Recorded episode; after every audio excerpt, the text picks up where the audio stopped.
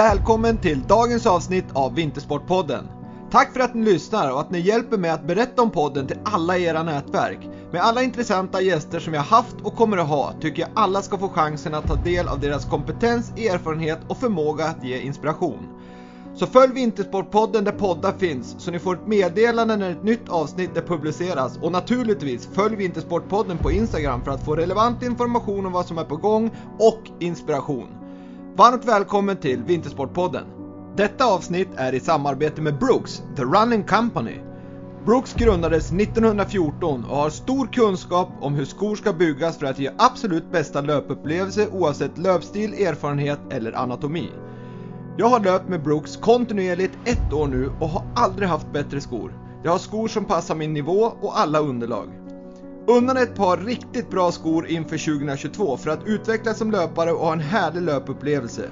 Be happy and run happy med Brooks, The Running Company. Nu drar vi igång dagens avsnitt.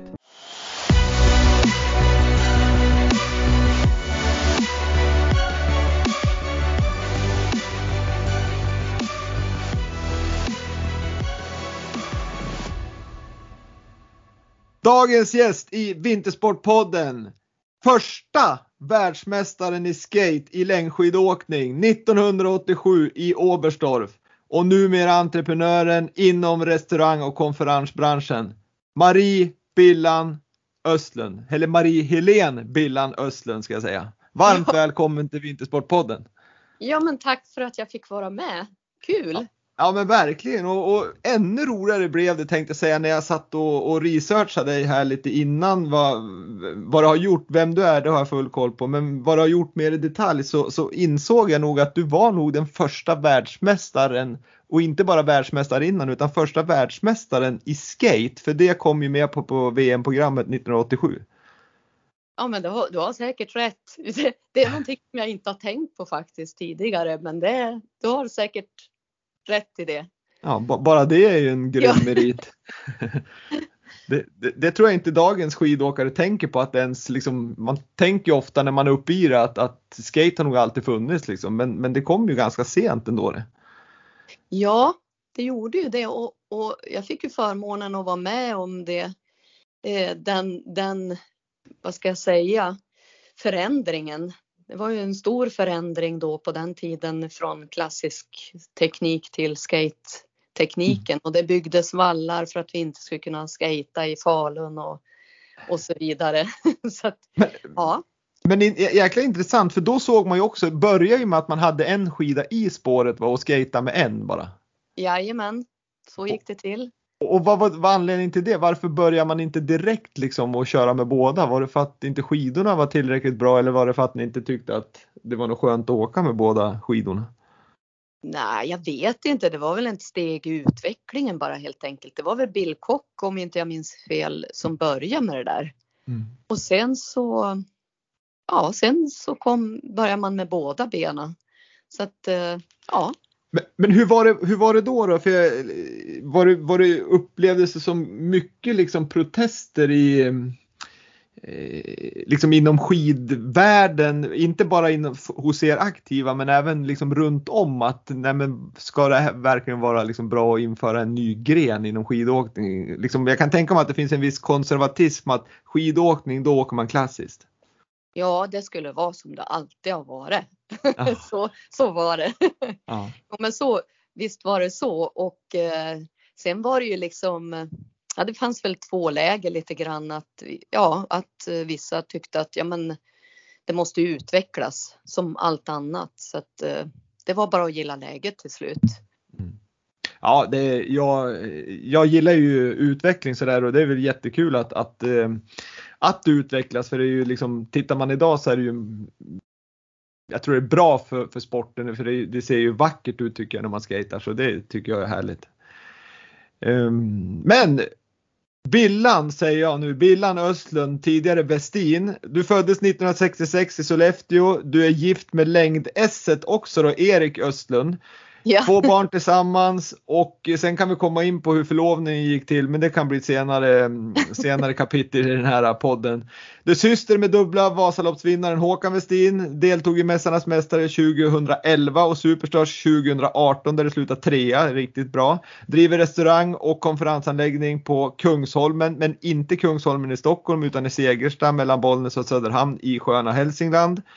Tre stycken OS har du deltagit i 88, 92, 94 med sjätte plats som bäst. Eh, fyra stycken VM, fyra medaljer varav två individuella och två stafett. Och eh, det många minns det är ju det härliga guldet 1987, 20 år gammal som första första som tog den då som vi sa. Eh, nio platser i världskuppen varav två vinster och 1988 var du tvåa i totala världskuppen vilket var fantastiskt bra. Och sen har du hela 29 stycken SM-medaljer varav 19 SM-guld. Det är inte många som är före där. Jag tror att det bara är Kalla och Ordena som ligger före på antal SM-guld faktiskt. Bragdguldet 1987, Jerringpriset 1987 och Årets idrottskvinna 1987. Det var ett fantastiskt år det 1987 men sen har du en fantastisk karriär. Vad säger du själv om, om karriären och kanske 87 där speciellt då? Ja, ja men tack så mycket för den eh, uppläsningen. Eh, ja, grymt. Det, ja, det året var ju eh, utan, alltså det, det, kommer man aldrig att glömma. Det var ju ett riktigt pangår för mig.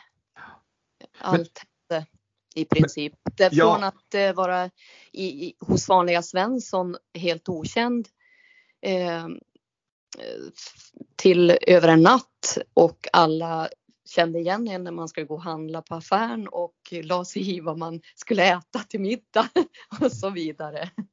Ja, för jag tänker på hur, hur eh, en, en 20-årig tjej från, från Sollefteå är ju inte så här super kanske vad jag har förstått så kanske du är lite liksom blyg också som, som i alla fall som ung då. Men, men hur, hur tog det på dig och hur förändrade dig just den där otroliga framgången från kanske, det var ju absolut inte väntat så det blev ju som en riktig blixt från en klar himmel kanske? Ja, nej men det var Gunde sa det till mig när vi åkte flyg hemifrån Oberstdorf att men Billan bara så du vet så kommer ingenting att bli sig lik. Förbered på det värsta och, då, och så blir det lite till. Mm. Och precis så blev det. att, eh, och jag var ju tillbakadragen. Jag var ju inte en sån person som ville ta för mig så jättemycket utan jag ville mer liksom vara lite Kalle bakom. så att, ja. Det... Var det några speciella situationer där du kände verkligen att nej men nu drar jag ut bakvägen för jag orkar inte med alla liksom, ja, men media och, och folk som ska rycka in hit och dit? Ja, det, på, på VM då, eh, då fick jag nog till slut så att jag hoppade faktiskt ut genom fönster från hotellrummet för att det stod journalister utanför dörren eh, i, i hotellet. Och då var det ju liksom ingenting, eh, inte som det är idag att man har vissa, ja, eh, man går genom journalisterna efter målgång och så vidare. Och, så att eh, ja, det, det var hårt. Jag jag försökte att skaka mig av, mig av dem och, eh, men jag lyckas inte. Mm. nej, men jag var väldigt eh, blygsam och ville inte ta plats alls.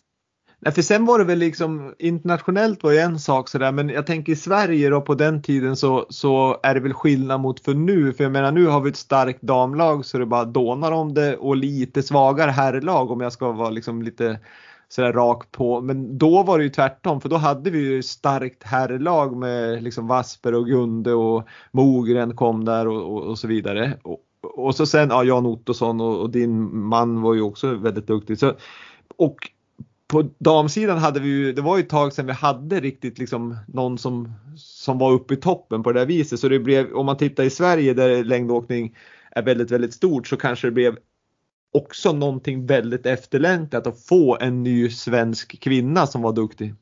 Ja, jo men det var ett upp, uppdämt behov utav det tror jag för att det var ju 18 år tidigare vann ju Toine Gustafsson. Mm. Och eh, sen tog det väl 18 år till om inte jag minns fel till Charlotte Kalla vann. Ja, det kan Så nog stämma. Ja. Det, är inte varje, det var inte varje dag på den tiden så att säga. Nej men precis och, och det där är lite intressant för lite samma resa gick ju Kalla faktiskt igenom 2008 där när hon egentligen med dunder och brak slog Ja. igenom i Tour de Ski. Jajamän. Va, vad hade du för känslor när du såg, jag vet inte om du såg det men du, någon, någon repris har du i alla fall sett när hon gjorde det här. Var det så att dina liksom din dag 1987 kom upp och nästan så att du ville ringa till Kalle och säga nu är det det här som väntar? Ja, nej då, utan eh, nej, men hon klarade sig så bra och var så mogen för sin ålder så att eh, det var inga problem för henne. Eh, jag har faktiskt pratat, pratade med hon vid ett tillfälle under VM för att det var då en journalist som jag känner mycket väl som var med där så han ringde upp mig så, så jag fick säga grattis till henne i alla fall. Mm. Vad kul! Det, det måste ju ha varit jäkligt roligt att, att få, få vara med på det. Jajamän. Hörru du, eh, jag, jag tänker på Innan vi ska gå in på din uppväxt och sådär så, så hamnar vi av naturliga skäl på just det här. Men, men när, när du åkte där på, på VM 1987 hade du någonstans i tankarna att ja men det här är fullt möjligt eller liksom eller, känn, eller hade du liksom inte ens tankarna på att det var möjligt att, att du skulle vinna? Jo, men i, i bak i långt bak i bakhuvudet så hade jag ju det som en liksom målsättning att någon gång så skulle det vara otroligt härligt att kliva upp på den här pallen. Eh, men att det skulle bli då, det hade jag väl kanske inte förväntat mig. Men de runt omkring mig visste vad jag var kapa kapabel till så att de visste att jag hade chans till Mm. att helt klart stå på pallen. I och med att jag hade, jag var, hade väldigt lätt för att lära mig den nya tekniken med skaten. Jag greppar ju den väldigt snabbt och träna under väldigt dåliga förhållanden hemma innan. Eh, åkte liksom efter skoterspår. Som, alltså det, det Det var, var, inte- det var inte som inte nu fullbredd med pissmaskinen. nej, nej, över stockar och stenar. Jag fick lyfta på, på fötterna och det var liksom, jag, där och då så tänker jag att jag fick väldigt bra balans och koordination och lärde mig ju liksom den där tekniken väldigt snabbt och hade, hade det på något sätt. Och det, jag tror att jag har mycket att tacka för det. Att jag åkte under, på dåliga förhållanden helt enkelt. Ja, för det ligger nog som, som jag menar, en, jag som inte är en elitskidåkare men gillar att åka längdskidor och skate och, och, och sådär. Det, man märker ju att det är ju en väldig balansakt, liksom, speciellt när man inte har det som yrke så varje liksom, gång man ska åka om man inte gör det så ofta då, då är det ju, tar det ju ett tag innan man hittar balansen. Jajamän. Det, alltså, längdåkning är ju en enbenssport. Det är ju väldigt mycket balans. Mm. Det är A och O kan man säga. Ja, precis. Men du Billan, vi, vi kan väl eh, gå tillbaks några steg här och några år i- före 1987 som vi har pratat om lite nu då. Jag tänker på din bakgrund och uppväxten där i, i Sollefteå på, på eh, jag ska säga 60 men 70-talet. Hur, hur såg den ut? Ja, men jag är ju uppvuxen i en liten by utanför Sollefteå som heter Forsmo. Och eh, där var det ju liksom ett sätt att umgås. Vi åkte skidor tillsammans. Det var en stor klubb på den tiden och eh, hade väldigt roligt tillsammans och, och den klubben hade också både fotboll, gång, terränglöpning, alltså vi, vi gjorde allt. Så jag har ju den förmånen också att jag fick eh, utöva flera olika sporter och jag tror att jag fick en väldigt bra allsidighet. Eh, och en gen, genomtränad kropp kan man säga. Så att, eh, jag tror bara att det är en fördel att man har hållit på med lite olika idrotter som ung. Och jag var ju ingen ungdomsstjärna, långt ifrån. Men, men vad var det, mm, för jag vet, jag tror jag har läst någonstans här när jag gjorde, titta, titta upp dig lite grann, att, att du, hade, du har någon gång sagt att du, du hade lätt att lära, vilket du sa också när du, när du lärde dig skate-tekniken och, och det kanske är en, ett resultat av att du höll på med många olika idrotter. Men du har också sagt att du skulle lika gärna kunna blivit duktig i någon annan idrott. Ja, det vet jag inte. men, nej, men alltså att det blev att jag valde längdåkning, det var ju för att det, det gick ju bäst i det, i den sporten helt enkelt. Mm. Och då tyckte jag att det var roligast också. Så att då, det var därför det blev att jag valde det. Och sen hade jag ju en äldre bror, Håkan, som också liksom banade väg för mig. Så att uh, han uh, tävlade ju med i allt i princip. Mm. När vi badade så tävlade vi med varandra genom att hålla andan längst. Där tränade jag väl upp mina lungor antar jag. Men, men Håkan då, han valde ju, han valde ju liksom att, att satsa på det här ganska tidigt och nu är det ju väldigt liksom nu är det ju stort med, med långloppen och, och det är på SVT, Vinterstudion och de har de här teamen, alltså olika företagen som satsar i, i de här olika teamen. Men, men var det någonting du funderade på någon gång när du liksom la av där 95 att du skulle ge dig in på någon form av långloppssatsning? Nej, oh nej. Nej, det, det fick brorsan sköta den satsningen. Och, ah. min, och syster hon uh, var ju skidskytt så att vi var ju liksom längdåkare i olika discipliner kan man säga. Mm. Så att jag funderar aldrig på, det är många som har frågat, men har inte du åkt Vasalopp? Ska du inte åka Vasaloppet? Nej, nej. Jag vet att jag har alldeles för mycket pannben för att åka Vasaloppet eller ställer jag mig på startlinjen och får nummerlappen så blir jag ju lite Dr Jekyll and Mr Hyde. Ja. Ja, det hörde jag också någon gång du berättade om du och Erik skulle åka lugnt någon gång med, med er son i någon pulka och det slutade inte med att det blev så lugnt. nej, nej, det där liksom, det, ja. Jag, ja, det är något speciellt att få, få på sig nummerlappen. Det, det tror jag alla som hållit på med elitidrott eh, tänker nog att nej, men jag är nog ganska lugn sådär. Men när nummerlappen kommer på så tror jag att den här prestationsviljan är ganska stark. Jo, jo men så är det och det är väl därför man har lyckats också i en idrott att man har en otrolig vilja. Mm. Att eh, vilja prestera och, och, att man är en tävlingsmänniska helt enkelt. Ja. Men du, jag tänker på, mm, du har sagt att du hade en härlig uppväxt med många olika idrotter och det kanske var en, en, liksom en, en viktig framgångsfaktor för att, att ändå ja, men bli en duktig längdskidåkare för att du fick kroppskontroll och så vidare. Men hur, hur är din liksom personlighet och unikitet? För någonstans blir man världsmästare i längdskidåkning då anser jag att man har någonting som andra inte har för det krävs så väldigt, väldigt mycket för att bli världsmästare i, i längdskidåkning? Ja, men det krävs ju att man har en, en stor portion vilja och en rätt inställning till det man håller på med och att, att man är villig att liksom vad säger, underkasta sig den träning som, som krävs. Jag var ju väldigt seriös mm. i min träning. Så att eh, jag var väldigt noga med att hålla mitt träningsschema och och så vidare. Så att, eh, nej men det tror jag väl kanske kännetecknar de, de flesta som har blivit riktigt duktig. Men, men hur var det liksom, jag, jag tänker de här alla dessa långa pass ensam på fjället eller i skogen. Mm. Vad, vad, vad, hur gick tankarna för dig där? Var det liksom att, men vad håller jag på med? Eller var det vad härligt att få vara ute i den här friska luften på fjället? Eller hur, hur var tankarna för det mesta? Man har ju då bättre och sämre dagar, men för det mesta var det positivt eller var det liksom fan, jag ska, jag måste genomföra de här timmarna? Nej, men det var både och. Men precis som ett jobb, vilket jobb som helst, att ibland tar det ju emot. Mm. Och ibland är det ju, går det ju mycket bättre.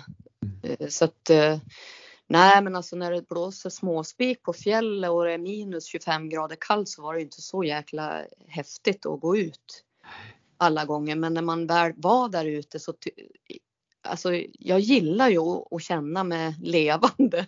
Att mm. Det var ju de gångerna kände man ju verkligen att man levde när man fick småspik i, i ansiktet. Men, men jag hade en förmåga att tänka positivt tror jag. Jag såg, såg ofta någonting positivt i det negativa. Ja, och det, det är nog ganska, det är en styrka att, att ändå kunna vända det där liksom till, ja men som du säger, till det positiva för att uh, orka med alla de här timmarna och ja. de dåliga dagarna. Jo, jo men det, det gäller ju liksom att, att ha den förmågan helt mm. enkelt.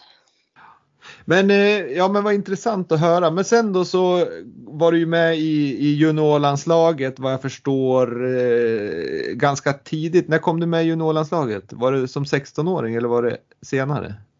Nej, men jag kom ju med ganska tidigt. Men jag, till att börja med som ungdom var ju inte jag någon liksom, jag var ju ingen ungdomsstjärna och jag var ju inte heller eh, någon, någon som liksom, vad ska jag säga, det var, det var inte tvunget att jag skulle vinna heller då jag var, då hade jag inte den där, då var det mer det här äh, runt omkring att ha roligt.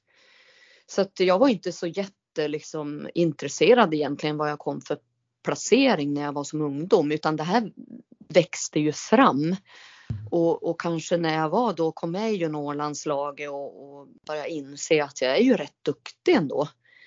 Eh, men det var ju liksom först när jag blev senior som det bara liksom smällde till att jag blev eh, ja, men, riktigt topp kan man säga. Ja men precis, för, för jag menar ändå som, jag sa 1988 blev du tvåa i totala världscupen men redan 1987 som 20-åring så var du, var du fyra eller femma i totala världscupen. Jag var fyra då tror jag så att egentligen år efter totalt sett så gjorde jag ett mycket bättre år.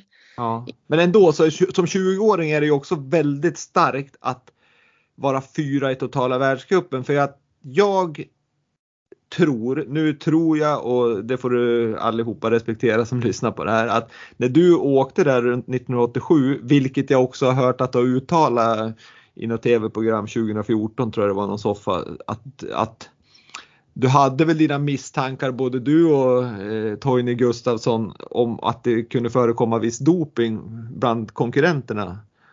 Ja, Ja, det där är ju en, en historia för sig. Det är ju tur att man inte visste att det förekom så pass mycket som det gjorde på den tiden och det var väl väldigt utbrett vad jag har förstått efteråt när min karriär var slut.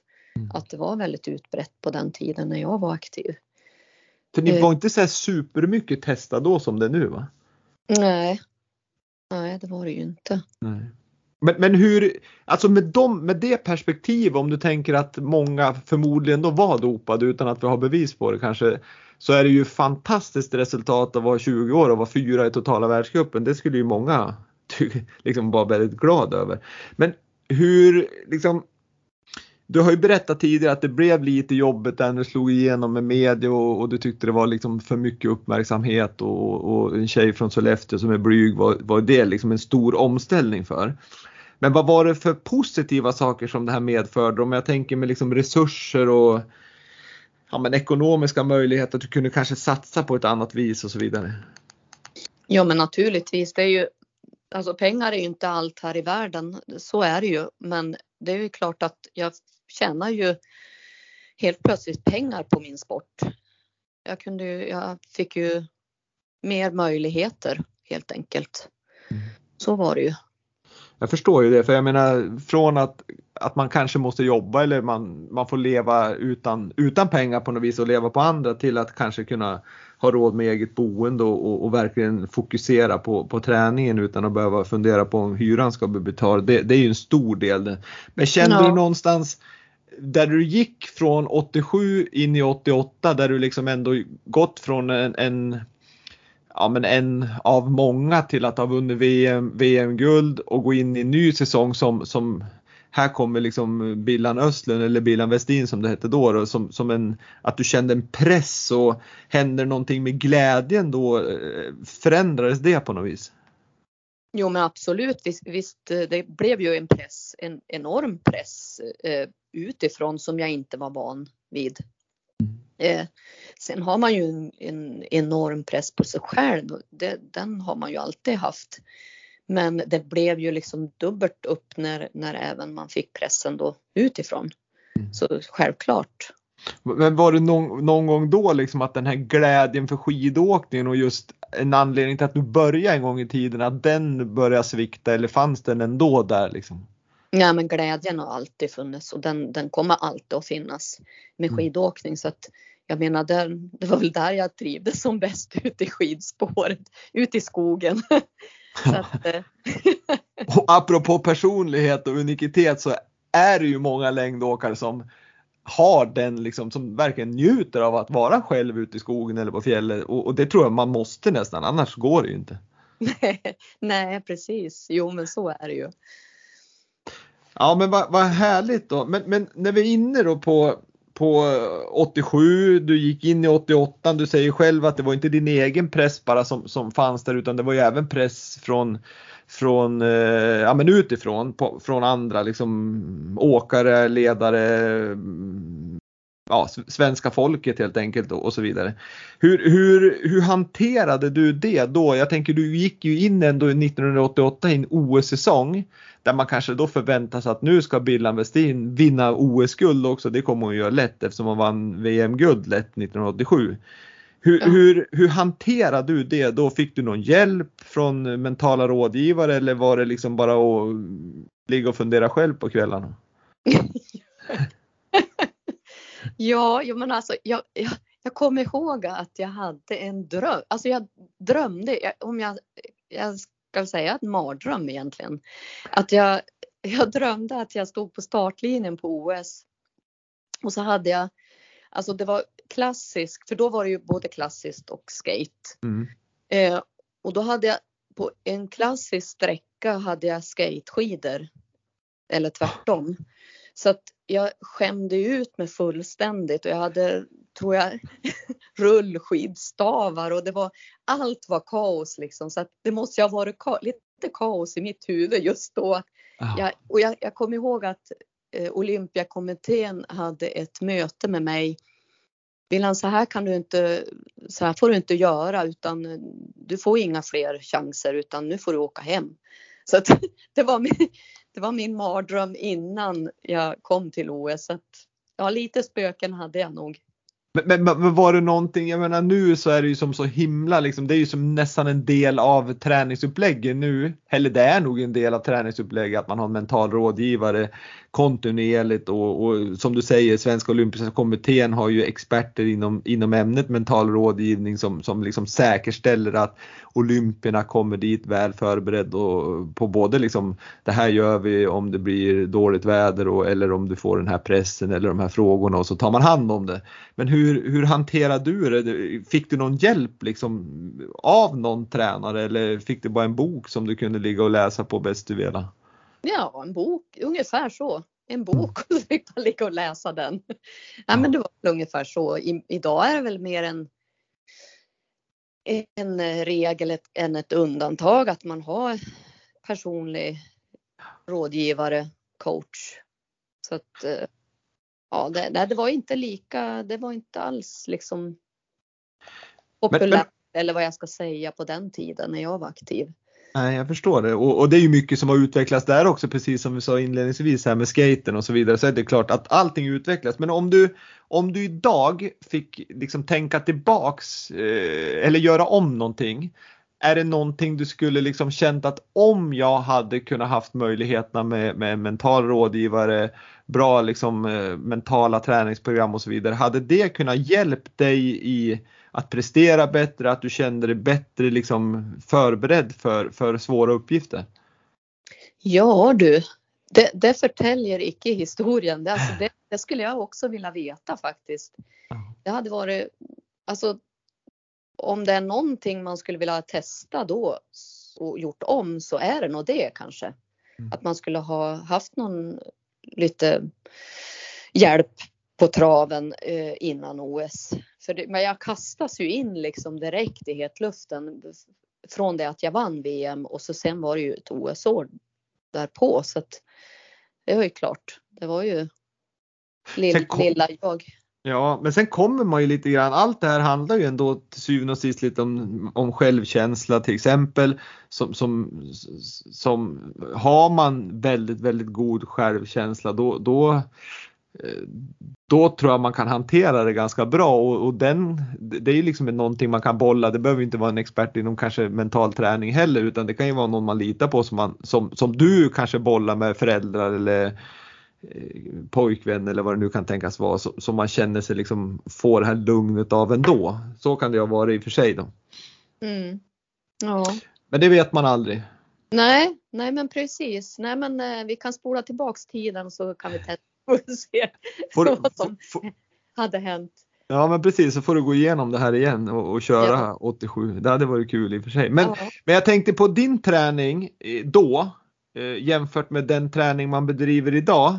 Vad skulle du säga är största skillnaden? Är det, är det var, tränar ni mer eller liksom är det ungefär liknande träning? Eh, Har du någon, har du någon uppfattning om det? Jag vet inte faktiskt hur mycket de tränar idag, men det är ju allt. Det känns som att allt är skillnad. För att eh, både tekniskt sett, hur man åker idag och hur, alltså det är ju, idag är det väl nästan ingen individuell start, kanske en på hela säsongen. Och det är ju Eh. likadant som med skaten. Det där får ju också mycket kritik från vissa åkare. Jag vet ju Anders Södergren, han skulle ju ha vunnit många VM-guld om, om det hade varit individuell start till exempel. Mm. Jo, men så att det, det är ju liksom, det, idag är ju, måste man ju vara explosiv. Du ska ju Mm. ha en spurt och en taktisk eh, känsla utan dess like för att liksom ska kunna komma långt fram i resultatlistorna. För ni tränar ju nästan ingen liksom styrketräning och explosivitet på det viset utan ni nötte ju ganska mycket timmar ni va? Ja, ja precis. Så att inne i, i något gym, det, kommer inte jag ihåg att vi kanske lite grann men inte nå. Det var mest vår egen kropp som tyngd som vi Ja. använde. Jag använde jag kommer inte ihåg att jag använde några tyngder alls. Nej, det har ju ändrats väldigt mycket, precis som du säger, för nu ska man vara eh, liksom spurtstark är, är ju liksom viktigt, att man har pannben och hänga med. Du säger Northug till exempel, han hängde ju ofta med han och sen Ja, damma, dammade han i när det var en kilometer kvar i bästa fall eller 500 meter så vann han. jajamän. Så att, det är klart att det blir annorlunda än att man ska själv liksom hantera loppet och, och, och, disponera krafterna liksom över två mil eller fem mil eller vad, vad man nu åkte då. Så att det Ja. blir skillnad. Ja, nej, stor skillnad. Ja. Men du, eh, du, du hade ju dina fina framgångar som jag har dragit här men, men ändå för mig så avslutade du karriären relativt tidigt, redan 29 år 1995 efter ett, vad ska jag säga då, ett besked som, som eh, du kanske inte bestämde helt själv att du skulle sluta även om det var, det är klart att det är du som bestämde det men du fick, du fick något problem med hjärta där på, på SM i Piteå om jag inte missminner mig. Jo, det stämmer det. det var, eller det var en, en sån här äh, kvällstävling i Piteå. Vi hade ju varit i, på VM och i Kanada och sen var vi till världscupavslutningen i Japan och sen direkt hem till Sverige och så skulle jag kasta in väskan i princip och ta klubbkläderna och åka upp till Piteå med bilen. Mm. Och när jag stod på startlinjen där så, ja men dessutom. alltså jag satt med en rökare på flyget ifrån Mhm. Japan och hem. Ja just det, på den tiden var det ju bara fritt fram och köra rök. Röka på flyget alltså. Och, och det där, alltså när man har tänkt tillbaks så tror jag att någonstans där så hände det någonting. Eh, Jag hade ju en, en, infektion i kroppen Mm. som jag hade dragits lite med från VM. Och eh, så jag, tror att det blev nog för mycket för min kropp att sitta dessutom och all dygnsomställning och, och sitta med rökaren. Det var ju pass, jag hade ju passivt rökt under hela, hela resan i princip. Eh, och sen skulle jag upp och ställa mig på startlinjen och då under uppvärmningen där så kände jag att ja, jag var så trött och sliten. Men jag tänkte ju inte något mer på det att ja, men det är ju dygnsomställningen. Det, måste, jag, eh, det är ju normalt att man är sliten. Men tydligen så hade jag ju 200 i puls. Det var ju någonting som hände då. Jag fick en extra, extra hjärtslag och eh, en extra ledningsbana i hjärtat som hade liksom slagit till och gav hjärtklappning helt enkelt. Och, och så jag hade ju liksom ja, över 200 puls i princip. Så att jag domnade ju bort i kroppen helt. Allt gick ju åt till att pumpa runt hjärtat i princip. Så jag fick ju inte ut, jag syresatte ju inte musklerna så att jag, bena bar mig inte till slut så att jag fick lägga i kull med en snödriva under det loppet. Och sen var det akut in på sjukhuset och ja, och där konstaterar de ju att jag hade en extra ledningsbana i hjärtat. Då. Men det var någonting som var medfött då alltså? Ja, det är ju tydligen medfött. Och det måste ju ha, det, ha utlösts av någon, för jag menar är det medfött så borde du ha kunnat fått det tidigare men det kanske var stress och rökare som gjorde att, du, ja. att det blev liksom att nu, det. nu tog den där extra ledningsbanan över. Ja, det är vad jag tror i alla fall. Och, ja. och det är liksom ingen som vet men, men det är vad jag, min känsla.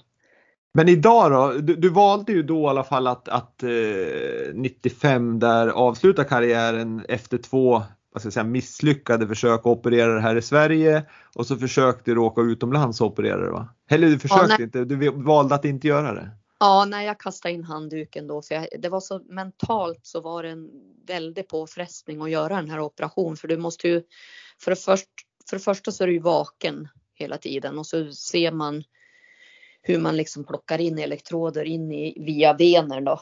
Mm. Eh, in i hjärtat och så får man ju såna här stötar. Så de sätter, mm. sätter igång stötar på hjärtat för att få igång en hjärtklappning. Mm. Så det var ju otroligt eh, mentalt eh, jobbigt. Eh, så att, och, och, så visste man ju att det kan ju gå fel. Det är ju inte in i ett knä de är utan det är ju in i hjärtat. Så mm. man kan ju bli, få pacemaker för resten av sitt liv om det skulle gå snett. Så att eh, ja, det var ja, det förstår jag ju blir mentalt jobbigt.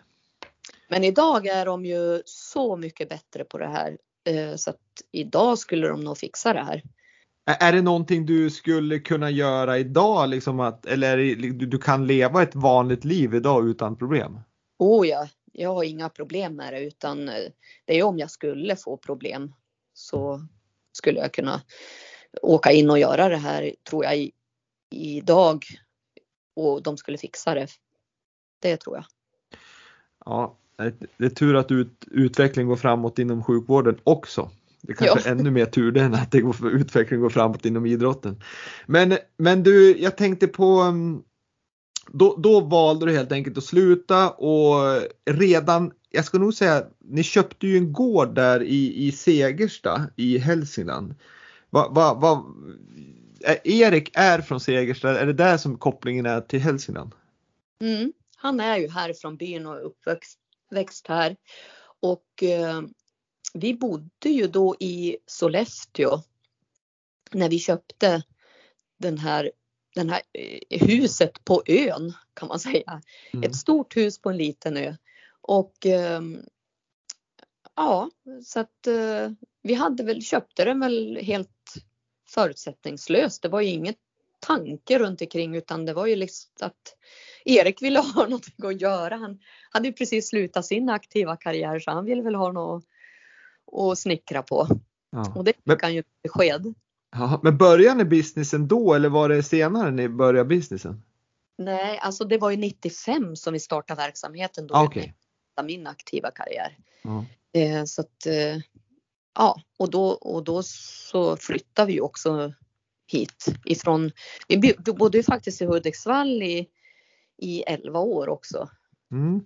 Precis, för, du tävlade för Hudiksvall och bodde, jag, jag, ska säga de som känner till Hudiksvall vet att det var, är väldigt, väldigt fint ute i Lingarö där du bodde. Ja. Och jag brukar åka för, förbi där ibland och så ser jag det huset och tänkte där bodde ni fint. Ja, jajamän, det är det. Men det var ett, eh, vi, vi, vi saknar Hudik lite grann för det var en väldigt mysig stad. Mm. Speciellt sommarstad är det ju fantastiskt fint. Ja. Verkligen. Men du, innan vi går in på vad du håller på med idag. Vi, vi ska fortsätta knyta an till, till um, just Segersta och, och Kungsholmen där. Eh, men innan så måste jag bara få säga det att du skrev en bok du, som heter eh, Medaljens baksida. Ja. Med eh, faktiskt då Torbjörn Nordvall som jag, som jag känner som är också fortfarande väldigt, väldigt involverad med duktiga åkare som Charlotte Kalla och, och Hanna Öberg och Jonas Sundling och så vidare. Så att han är fortfarande aktiv som, som media vad ska jag säga, media rådgivare. rådgivare kan man väl säga. Men, men hur, hur, hur skrev ni den boken och varför? Ja men det var väl han som var, vi, vi är ju gamla goda vänner så att säga och känt mm. i många, många år. Och uh, han, han var väl lite påstridig där och tyckte att, ja men Billan, ska vi inte skriva en bok tillsammans? Och så blev det och uh, ja, det blev medaljens baksida och man kan ju tolka det på två sätt egentligen. Eh, så att, eh, ja men det var jättekul att göra det och jag gjorde det mycket på grund utav att våra barn skulle få läsa om det vi har varit med om egentligen. Mm. Ja, vad fint gjort. Ja, det kändes som en Ja, det kändes som eh, en grej som, är, som de skulle kunna ta, dra nytta utav och få se bakgrunden eller läsa om bakgrunden i våra liv. Och på den tiden tänkte jag säga, nu låter det som jag är på stenåldern, men, men det var ett tag ändå. Nu, nu skriver ju var och varannan liksom en, en, någon form av biografi och, och sådär, men, men då var det ju inte supervanligt att man, att man skrev böcker på det viset. Nej, nej det var det ju inte. Så det måste ha varit lite roligt att få summera ihop en, en framgångsrik karriär och starta en ny karriär på något vis och att det blev ett avstamp för någonting nytt. Ja, ja men precis så var det ju. Men du, då kan vi ju gå in på det nya. Du, du har berättat om att ni köpte gården där 88 och att ni drog igång verksamheten med restaurang och konferensverksamhet eh, 95 där jag har läst någonstans om att eh, Per Elofsson och Anders Ödgren var era första gäster, stämmer det? Ja, ja jag har faktiskt tränat dem på, på Kungsholmen på ön. De var ju där på träningsläger när de var småpaltar, tio, tio år ungefär. Mm. Både Per och Anders Södergren och så ja, Per Elofsson bland annat. Det var då ni hade det Segersta, Segersta um, sommarskiskolan? Ja, ja men, eh, ja men vi hade skidskola och vi hade skidtävling på midsommar och var det någon gång man kunde vara säker på att det skulle bli skidtävling så var det på midsommar.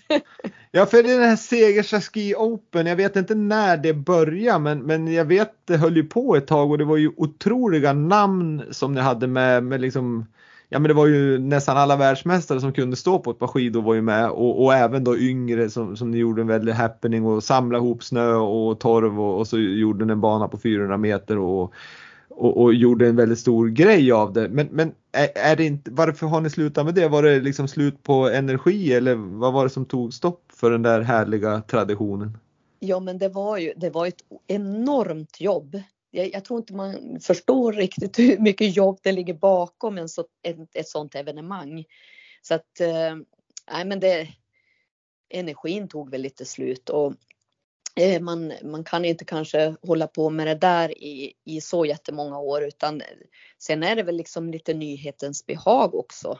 Eh, det var ju ingen som hade liksom åkt på eller fått sett längd, världseliten på längd åkning under sommartid. Det var ju liksom någonting väldigt exotiskt på något sätt. Ja. ja. Jag har ju hört folk som har varit där som har sagt att det var ju en otroligt eh, härligt arrangemang och väldigt liksom en av de här världsstjärnorna som i ett avslappnat format på något vis. Ja, ja, men visst. Ja, men ni får fundera till på den. Det skulle vara bra Ja, vi kanske får återuppta den där. Ja, men absolut. Du får höra av dig till mig så kan jag hjälpa till. ja, ja det är kul. Det. Ja. Vem vet? Men, ja, precis. Men jag tänker på all den erfarenhet du har från, från skidåkning och dina framgångar och, och liksom, man, man besitter ju väldigt mycket som, som om man får säga gammal eh, skidåkerska där man har liksom genomgått många saker, bland annat det som hände 87 där och, och även andra saker. Har du liksom någon gång funderat att på något vis ta en ledarroll inom skidförbundet eller på, på annat sätt där du skulle kunna förmedla din erfarenhet och dina kunskaper?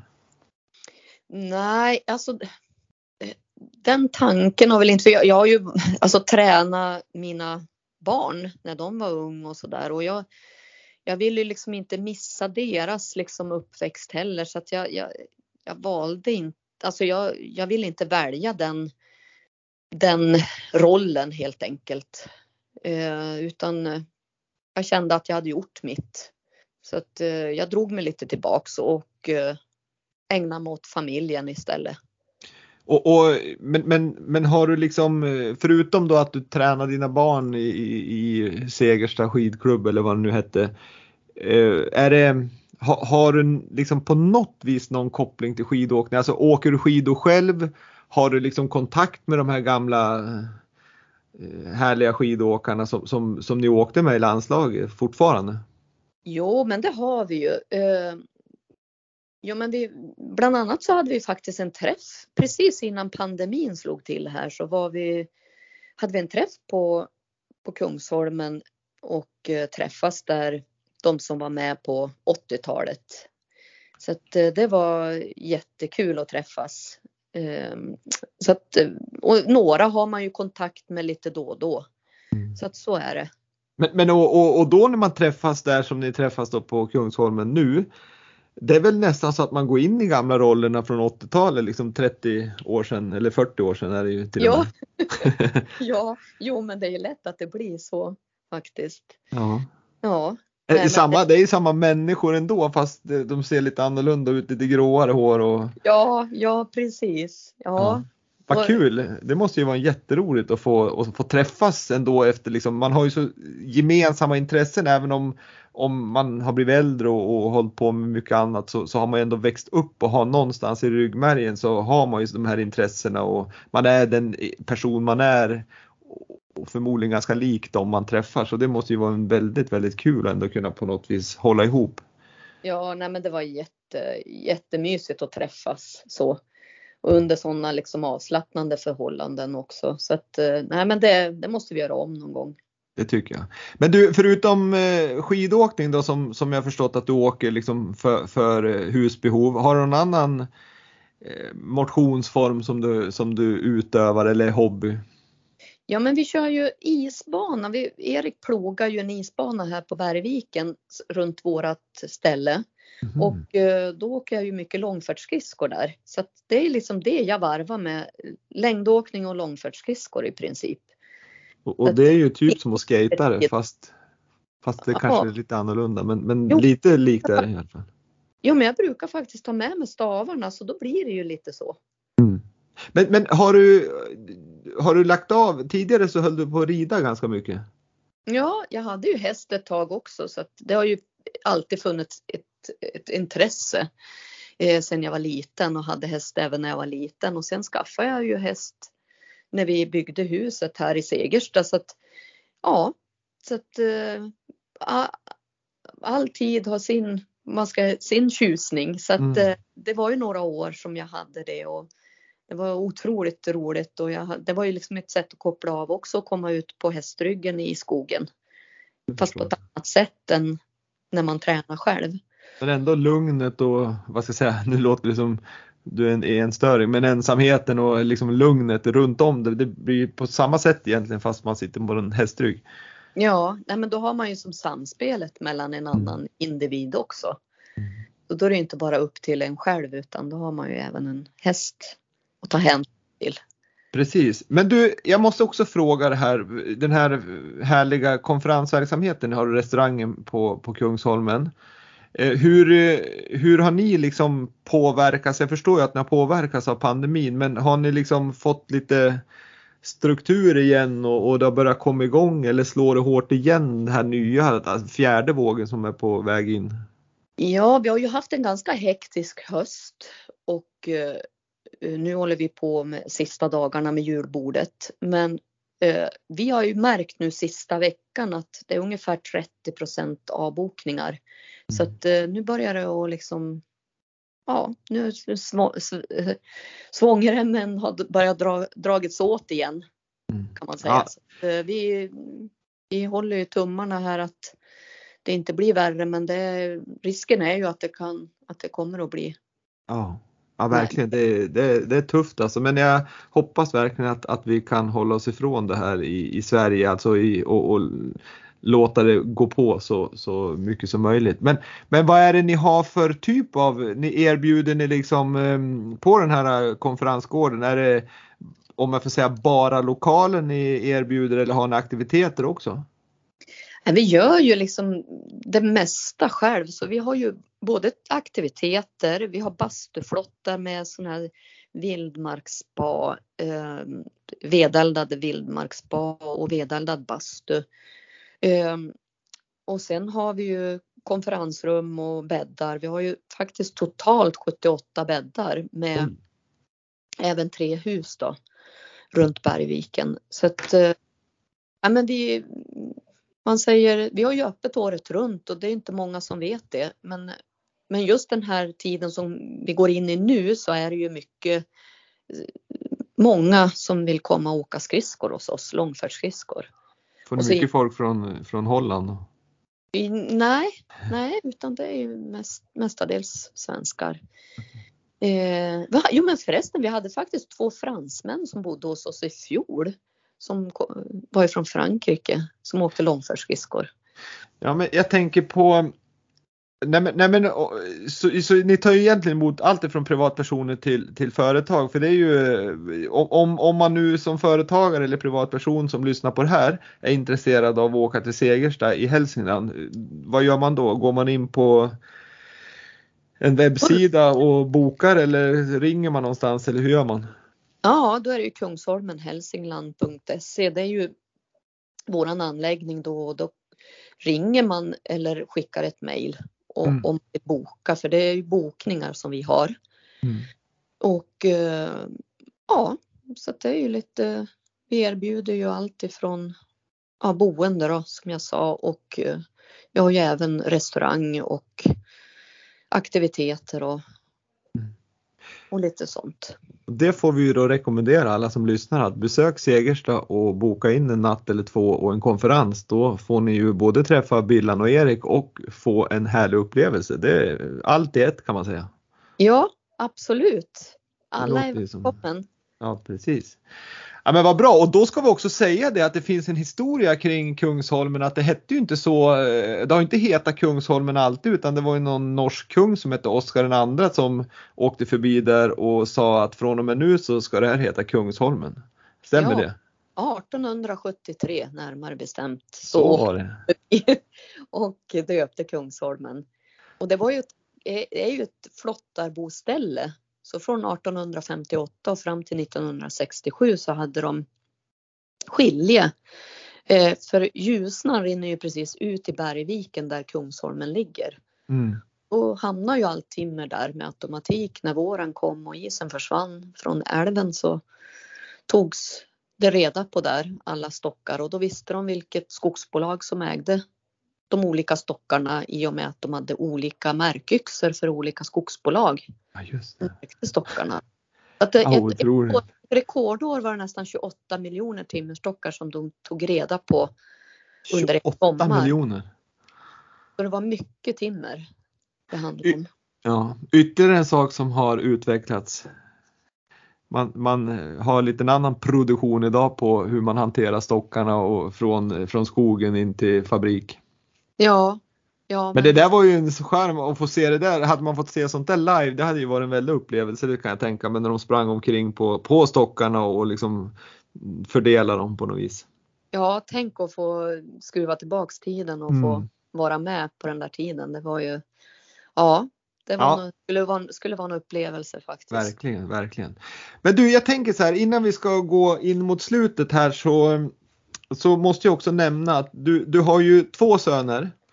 Varav den ena är en duktig crossåkare, Alvin. Han eh, är ju liksom på, tänkte säga världsnivå, men han har ju vunnit SM och han har kommit tvåa i EM och, och han är ju med liksom i ett internationellt crossteam. Mm. Hur, hur liksom, dels liksom hur, hur kan ni med eran bakgrund som längdåkare stötta honom i, i crossåkningen? Liksom, är en, jag tänker att en crossåkare behöver ju ha extremt bra kondition för att orka med en dag på, på crossbanan och alla hit som de kör. Har ni liksom mm. kunnat ge han det eh, så att han har nytta av den erfarenheten från er? Ja, men jag tror att eh, vi har väl bidragit med den delen att han har fått, han har fått från grund, från, från unga år fått liksom en, en bra grund att stå på. Och eh, han åker ju mycket skidor på, på vintern. Och det tror jag är bra för eh, man behöver ju också inom den sporten behöver man ju en, en bra, bra och stabil kropp. Mm, verkligen. Alltså bålen där måste ju vara extremt viktig. Mm, ja, oh ja. Som hel, hela kroppen egentligen. Men, men hur, hur ser du på um, skillnaden mellan då den sport, båda är individuella och båda är ju liksom, det krävs ju väldigt mycket liksom, det är svårt som längdåkare och det är svårt som som crossåkare att bara liksom som ung dra iväg på egen hand. Man måste nästan ha lite stöttning hemifrån och, och liksom skjutsa och smörja kedjor och byta däck och precis som man ska valla åt sina ungar inom skidåkning. Men är det, är det några andra skillnader du ser liksom med motorsporten jämfört med, med skidåkning som är som både bra och dåliga? Men om man säger att det är viktigt med sponsorer i all idrott så är det ju i, i motocross så är det oerhört viktigt att ha sponsorer som står bakom sig och stöttar. Eh, för det är ju en dyr sport att hålla på med och eh, han får ju betala alla sina resor, hotellrum eh, själv och som man jämför med när vi var aktiv. Vi fick ju liksom, vi, vi tog oss till Arlanda och sen fick vi en biljett i handen och så gå dit. Eh, Medan Alvin får, han får fixa allt i princip själv. Eh, Väldigt eh, livsskolande på något vis. Ja, verkligen. Men, men hur, eh, jag tänker eh, när man ingår i ett sånt här team då, då är det liksom mer att det man får då det är motorcyklarna? Ja, och de fixar ju, de har ju mekaniker och, mm. allt sånt på plats. Så att, men det är ju där i Italien det och på, tävling, på alla tävlingar och de fraktar ju cyklarna också så att det behöver ju inte han, man behöver ju bara tänka på ta sig mm. dit tävlingarna är så att säga. Men han måste ju boka, boka. Och, själv. Och, och framförallt finansiera det då. Det måste ju vara ganska tufft. Och det är en skillnad från skidåkning som du säger för att där har vi ju liksom, det är ju lika i, tar du tennis och sånt där så är det ju också individuellt att man får ordna. Det är ju inga landslag så. Inom alpint och längdåkning så är det ju mer att ingår i landslaget så är det som du säger att i, det, det, största utmaningen det är väl kanske att ta sig till Arlanda. Sen behöver man ju knappt Nej. göra något mer. Nej precis. Mm. Nej, han har verkligen fått gått i den hårda skolan med tanke på det. Så vi försöker ju stötta han så mycket som möjligt med vi har ju en husbil som vi åker ut i Europa med ofta eh, och eh, servar han så att han kan bo på tävlingsplatsen. Mm. Då bor han i husbilen med oss och eh, vi servar han med mat och ja, allt sånt som behövs göras i princip. Och det är ju någonting som vi också har med oss ifrån längdåkningen att vi har ju fått lärt oss hur man hur man ska äta och vad man ska äta och, och så vidare. Så det är väl någonting som vi har, man säger, eh, fört in i hans liv. Både när det gäller mat och träning ifrån början. Och det måste vara en bra kombination egentligen, för jag tror ändå nu kan jag ju vara alldeles på tok för Eh, att jag generaliserar eller gör helt fel. Men, men jag, jag tänker mig någonstans att, att den erfarenhet ni har som du säger med, med, med, med, kost och träning och den träning som ni bedrev, alltså vill säga uthållighetsträning. Den kanske man, det är väl kanske någonting som man inte har i, i många av motorsporterna. Den mm. erfarenheten. Nej, nej absolut inte. Men man ser att det har liksom kommit mer och mer att de nu är de mer medvetna om det än vad den var i början. När vi, när vi var med ute på tävlingar. Så att, eh, nej men det, de, de lär sig mer de också. Det är ju liksom elitidrottsmän och elitidrottskvinnor på hög nivå. Så att, eh, nej men Sen måste det ju vara som mamma och pappa och vara med på de här tävlingarna måste ju vara lite nervöst. Inte bara för att de ska prestera utan det måste ju, jag tänker snarare på, på olycksrisken. Ja absolut, nej men den finns ju alltid den oron och den kommer alltid finnas. Och, men eh, nej, jag försöker att och, och vad ska jag säga inte vara så orolig som jag behöver utan man, man försöker tänka att ja men det skulle kunna hända oavsett om man sitter i det är farligt att sitta och åka bil emellan och ja. vad ska jag säga när man ska någonstans också. Så att det ja jag vet inte. Det, jag försöker att inte inte bli för orolig. Annars så Nej och sen är det ju som att, att de som är på elitnivå de har ju oftast, när man ser det själv som då ser det ju livsfarligt ut. Men när man är elit, elitidrottare inom den sporten så har de ju en enorm kontroll. Ja, och det jag är glad för det är ju att Alvin är ju en kontrollmänniska och, och går ju sällan över gränserna. Och mm. det ser inte livsfarligt ut när han är ute på banan om jag säger så som det gör, kan göra på vissa förare. Så att eh, nej men det är jag ju. Jag känner mig rätt trygg ändå på det sättet. Men sen, sen har vi ju den yngre förmågan här som eh, lillebror. Han jobbar ju faktiskt åt oss så att eh, där har vi ju fått otroligt mycket hjälp nu med på våran vårat ställe som vi driver. Men vad bra och då kanske ni har någon, någon eh, naturlig som tar över just traditionen, Segersta och, och gården då? Ja, varför inte? Vi får väl se. Man vet aldrig och eh, nej, men han har faktiskt eh, lärt sig otroligt mycket här eh, sista året och eh, faktiskt laga lite mat också så att. Vad kul. Ja, så det är jättekul. Vad, vad roligt ändå liksom med, ja men ena han kör lite cross och är elitidrottare medan den andra blir elit, eh, vad ska jag säga, ja men man blir duktig inom, inom förmodligen inom den där branschen då med både matlagning och kanske med, med att hantera det för det ju, krävs ju en väldigt, väldigt liksom, talang för att kunna hantera gäster också. Det är ju liksom inte alla som kan, kan göra det. Nej, nej men precis. Nej, Men vad kul, vad roligt och framförallt var kul att få jobba med liksom familjen sådär och, och, och att man kan göra någonting tillsammans måste ju vara väldigt, väldigt roligt.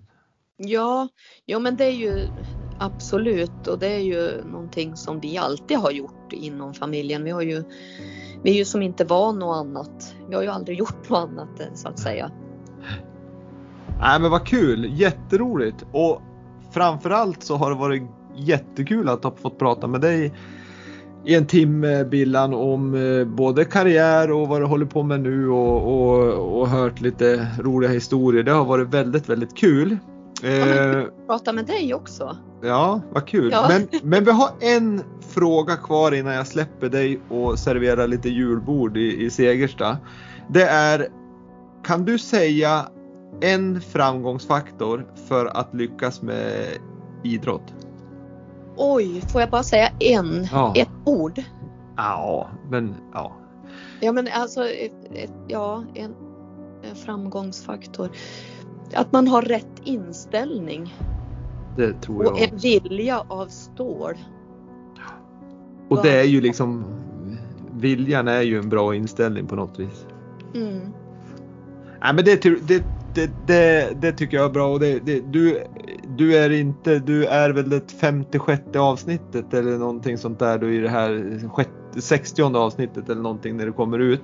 Så eh, det är många som har varit inne på inställning, vilja, passion, glädje och så vidare. Så att någonstans där ligger det ju för att man ska överhuvudtaget kunna ja, men nå dit man, dit man når som elitidrottare. För jag menar det krävs ju en hel del och timmar framförallt. Jajamän. Ja. Men du Billan, jag tackar så väldigt mycket och att du var med i Vintersportpodden och så sen framförallt så önskar jag stor, stor lycka med eh, i det här fallet då med Kungsholmen och den verksamhet ni bedriver där. Ja men tusen tack och lycka till du också och hälsa alla där uppe i, i Hudik. Det ska jag absolut göra. Ha det Ja. så jättebra. Ja men tack detsamma. Hej.